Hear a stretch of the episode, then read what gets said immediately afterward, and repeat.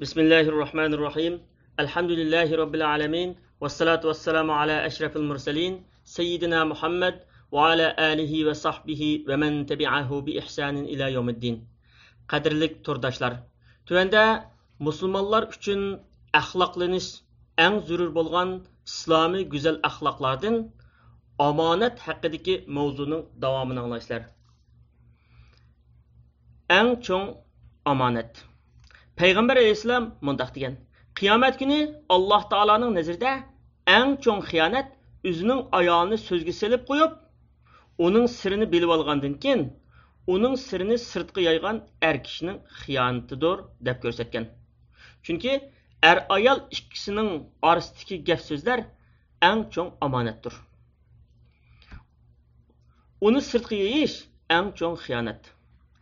Dünyada şundak rezil ve pes insanlar var ki, ular başkalarının aciz noktasını bilivelip həmişə fürsətpərəstlik bilan can baqıdı. Mundaqlar üçün kişilərin iffət numusu və yüz abroyunun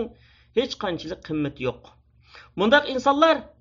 insan türünün hayvan dərəcəsindəki rezillər olub, şəxsi mənfəət üçün hər qandaq adamı setib etişdən ikkilənməydi. Hətta özünün həyat şirki və qoynudakı ayalının bu ojiz nuqtasini tutib olib uning ba'zi bir ayblarini xatoliqlarini xalqi olamga yeyib o'zini va ayolini rasvo qilishdan ikkilanib qolmaydi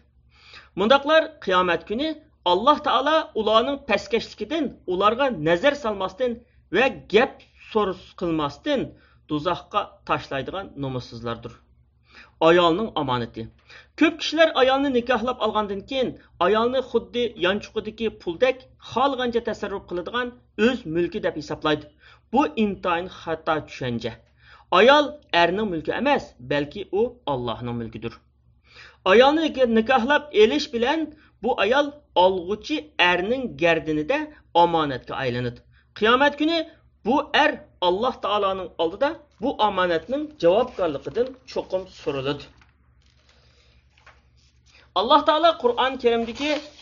ayollar sizlardan mustahkam ahda olgan tursa degan oyatda bu omonatni mustahkam ahda deb atagan ma'lumki ayolning eridan olgan mustahkam ahdisi nikohlanish oldida erning uningga umrlik shirik bo'lish haqidagi talabini qabul qilganligidir alloh taolo nikohdan boshqa hech qاندaq ahdini mustahkam ahda deb sifatlagan emas bu er ayollik rishtasining muqaddasligidan edi shundoq muqaddas bir rishtaga xiyonat qilish haqiqatan eng cho'ng xiyonatdir uning gunohimu albatta ig'irdir bolalarning ota onasiga muomala qilishidagi omonat bolalarning ota onasiga qiladigan muomalasidagi omonat ularga xiyonat qilmasligi ularning ruxsatisiz uydan pul mol yoki oddiy bir narsani olmasligidir garchi olgan narsasi tilga olg'uchiligi yo'q oz miqdordagi narsa bo'lsimi ularning ota onasining ruxsatisiz elishi xiyonat hamda tadrijiy holda ko'proq elib cho'ngroq xiyonat qilishning muqaddimasidir qizlarning ota onasining ruxsatisiz holda yigitlar bilan pash tortishib yurishi maxfiy joylarda uchrashishi ota onasiga va ularning ishonchisiga qarshi qilingan eng cho'ng xiyonatdir qiz agar axloqiy jihatdan buzilishga taraqqiy qilib borsa xiyonat darajasimi oshidi uning ota onasini xalqi olam oldida yerga qaratganlik jinoyati ayrim bir xiyonatdir shundoqla yigitlarningmi qizning ota onasidan maxfiy holda u qiz bilan uchrashishi xiyonat bo'lganning sirtida kishilarning iffat nomusiga va yuz obro'yiga qarshi ishlangan jinoyatdir qiyomat kuni bundoq jinoyatlarning suruqi albatta bo'ludi jazosimi ig'ir bo'ludi hech qanday yigit o'zining ojiz singillarining bu holatda boshqalarning suyi iste'mol qilishini yoqtirmaydi undoq bo'lgan ekan boshqalarningmi hayotini suyi iste'mol qilmasligi kerak siz ega bo'lgan hamma narsa omonatdir alloh taolo sizga ato qilgan ne'matlarning hammasi sizda omonat bo'lib ularni sanab bo'lish mumkin emas. Masalan jon sizda omonat uni halok qilishga sabab bo'ladigan ishlarni qilishingiz bu omonatga xiyonat qilganligingiz tiningizning saqligi sizda omonat uni asrashga ahamiyat bermasangiz yoki uningga ziyonli narsalarni iste'mol qilsangiz uningga xiyonat qilgan bo'lasiz aql sizda omonat aqlni ketkizadigan ichimliklarni yoki zaharlik chekimliklarni iste'mol qilsangiz bu omonatga xiyonat qilgan bo'lasiz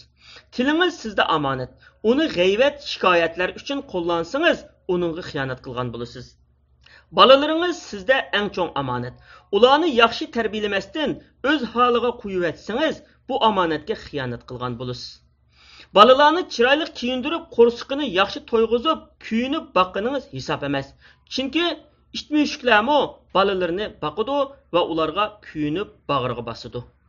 bilimingiz sizda omonat uni dinga xalqqa va vatanga foydali ishlarga qo'llanmasangiz bu omonatga xiyonat qilgan bo'lasiz kasbingiz yoki xizmatingiz sizda omonat uni qatirqinib qilmasangiz ko'z bo'yamchilik qilsangiz omonatga xiyonat qilgan bo'lasiz mansibingiz sizda omonat agar uni suiiste'mol qilib shaxsiy manfaatingiz uchun qo'llansangiz omonatga xiyonat qilgan bo'lasiz pul milingiz sizda omonat alloh taolo ato qilgan pul molni harom yo'llarga qo'llansangiz yoki uning zakatini bermasangiz uningga xiyonat qilgan bo'lasiz demak alloh taolo sizga ato qilganlarning hammasi sizda omonat alloh taolo bu ne'matlardan cho'qim so'roq savol qiladi qandoq ishlatganlikdan hisob oladi qur'oni karimdagi ondin dunyoda sizlarga berilgan ne'matlardan so'roq savol qilinsizlar degan oyat bu ma'nini ifodalaydi payg'ambar alayhissalom mundoq degan qiyomat maydoniga bandining qadimi qo'yilgan hamon to'rt narsadan so'raladi. Umrini nima bilan tugatganligidan yoshligini nima bilan o'tkazganligidan pul molni nadin tepib nada ishlatganligidan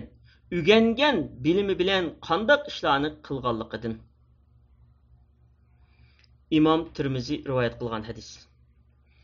dinni yetkazish omonat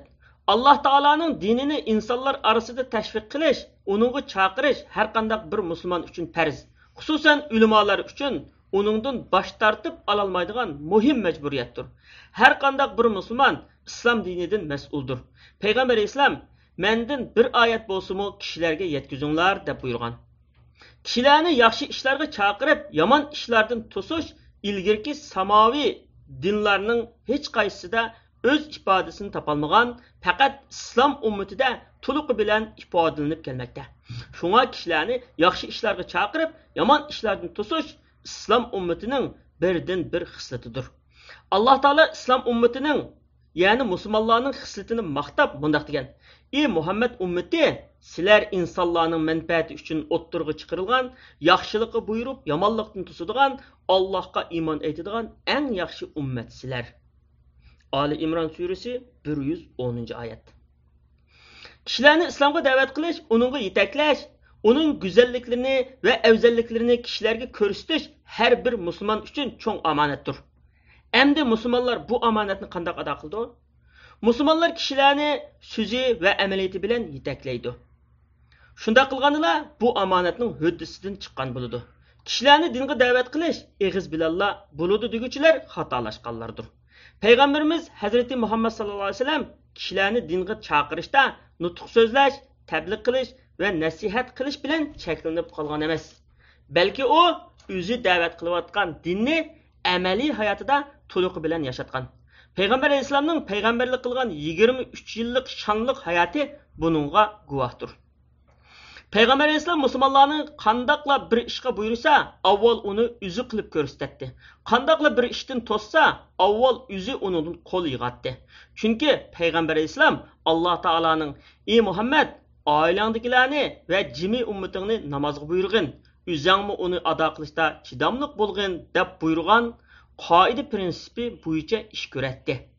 Alloh taoloning bu oyatda payg'ambar alayhissalomni boshqalarga namozda boshlamchi bo'lishga buyurishi uning butun ishlarda shundoq boshlamchi bo'lishini taqozo qiladi. Bu oyat yana payg'ambarning ummati bo'lgan butun musulmonlarning xususan payg'ambarning varislari bo'lgan ulamolarning yaxshi ishlarni qilishda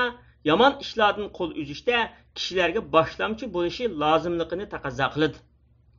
Islom dini bu usul bilan tarqalgan. Islom dinining arab yarim oralidan halqib har xil millatlar va davlatlargacha berib tarqalishi va har millat kishilarining qalbida mustahkam o'rin elishiga turtki bo'lgan omillarning eng cho'ngi islom da'vatchilarining go'zal axloqi amaliyotchanligi so'zi bilan harakatining birdek bo'lganligi edi. Islom dinining osiyo qit'asida kang o'rin elishining sababimi islom dinini tarqatgan savdo karvonlarining haqqoniyligi va esil fazilatlari bilan kishilarni qoyil qilganligi edi islom dinining uyg'urlar orasida yiltiz tortishimi shundoq bo'lgan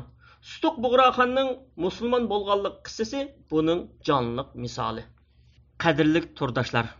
sizlar omonat va uning musulmonning hayotidagi ahamiyatini angladinglar omon bo'linglar vassalomu alaykum va rahmatullohi va barakatuh